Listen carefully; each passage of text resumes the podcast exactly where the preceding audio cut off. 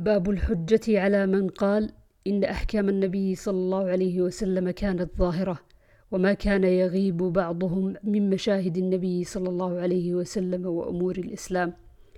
عن عبيد بن عمير قال استأذن أبو موسى على عمر فكأنه وجده مشغولا فرجع فقال عمر ألم أسمع صوت عبد الله بن قيس؟ ائذنوا له. فدعي له فقال ما حملك على ما صنعت؟ فقال إنا كنا نؤمر بهذا. قال فأتني على هذا ببينة أو لأفعلن بك. فانطلق إلى مجلس من الأنصار فقالوا لا يشهد إلا أصاغرنا. فقام أبو سعيد الخدري فقال قد كنا نؤمر بهذا. فقال عمر خفي علي هذا من أمر النبي صلى الله عليه وسلم. ألهاني الصفق بالأسواق. عن أبي هريرة قال إنكم تزعمون أن أبا هريرة يكثر الحديث على رسول الله صلى الله عليه وسلم. والله الموعد. إني كنت امرأ مسكينا ألزم رسول الله صلى الله عليه وسلم على ملء بطني. وكان المهاجرون يشغلهم الصفق بالأسواق. وكانت الأنصار يشغلهم القيام على أموالهم. فشهدت من رسول الله صلى الله عليه وسلم ذات يوم وقال من يبسط رداءه حتى أقضي مقالتي ثم يقبضه فلم ينس شيئا سمعه مني. فبسطت بردة كانت علي فوالذي بعثه بالحق ما نسيت شيئا سمعته منه. باب من رأى ترك النكير من النبي صلى الله عليه وسلم حجة لا من غير الرسول. عن محمد بن المنكدر قال رأيت جابر بن عبد الله يحلف بالله أن ابن الصياد الدجال. قلت تحلف بالله؟ قال إني سمعت عمر يحلف على ذلك عند النبي صلى الله عليه وسلم فلم ينكره عليه. فلم ينكره النبي صلى الله عليه وسلم. باب الأحكام التي تعرف بالدلائل. وكيف معنى الدلالة؟ باب الأحكام التي تعرف بالدلائل. وكيف معنى الدلالة وتفسيرها؟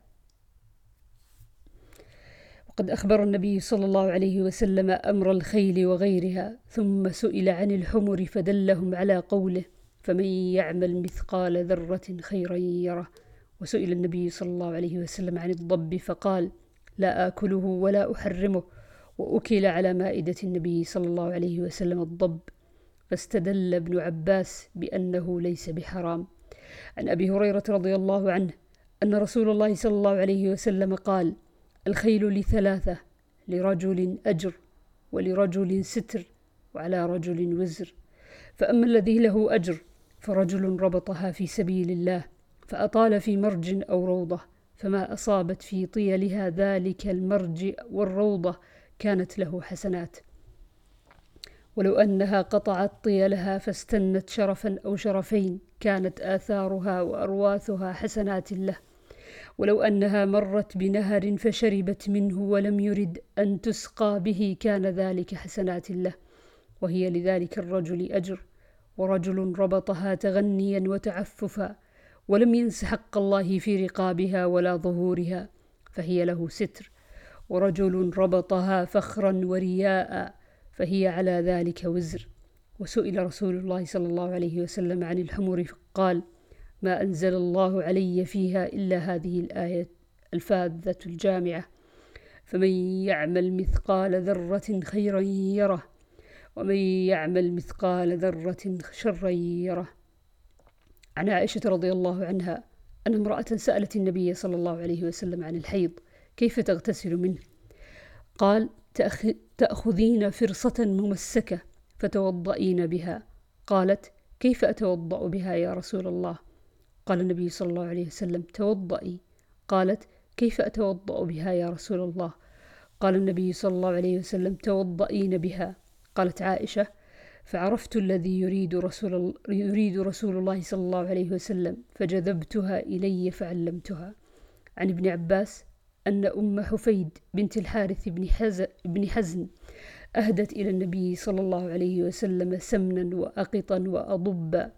فدعا بهن النبي صلى الله عليه وسلم فأكلن على مائدته فتركهن النبي صلى الله عليه وسلم كالمتقذر لهن ولو كن حراما ما أكلن على مائدته ولا أمر بأكلهن.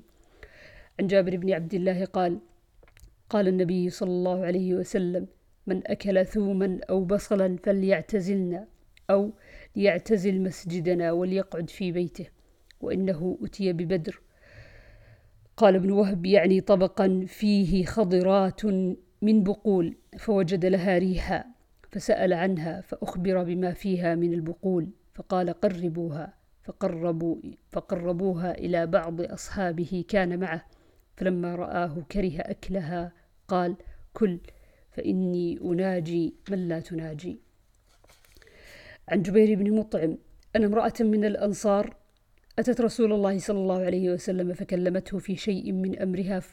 قالت أرأيت يا رسول الله إن لم أجدك؟ قال إن لم تجديني فأتي أبا بكر. وفي رواية كأنها تعني الموت.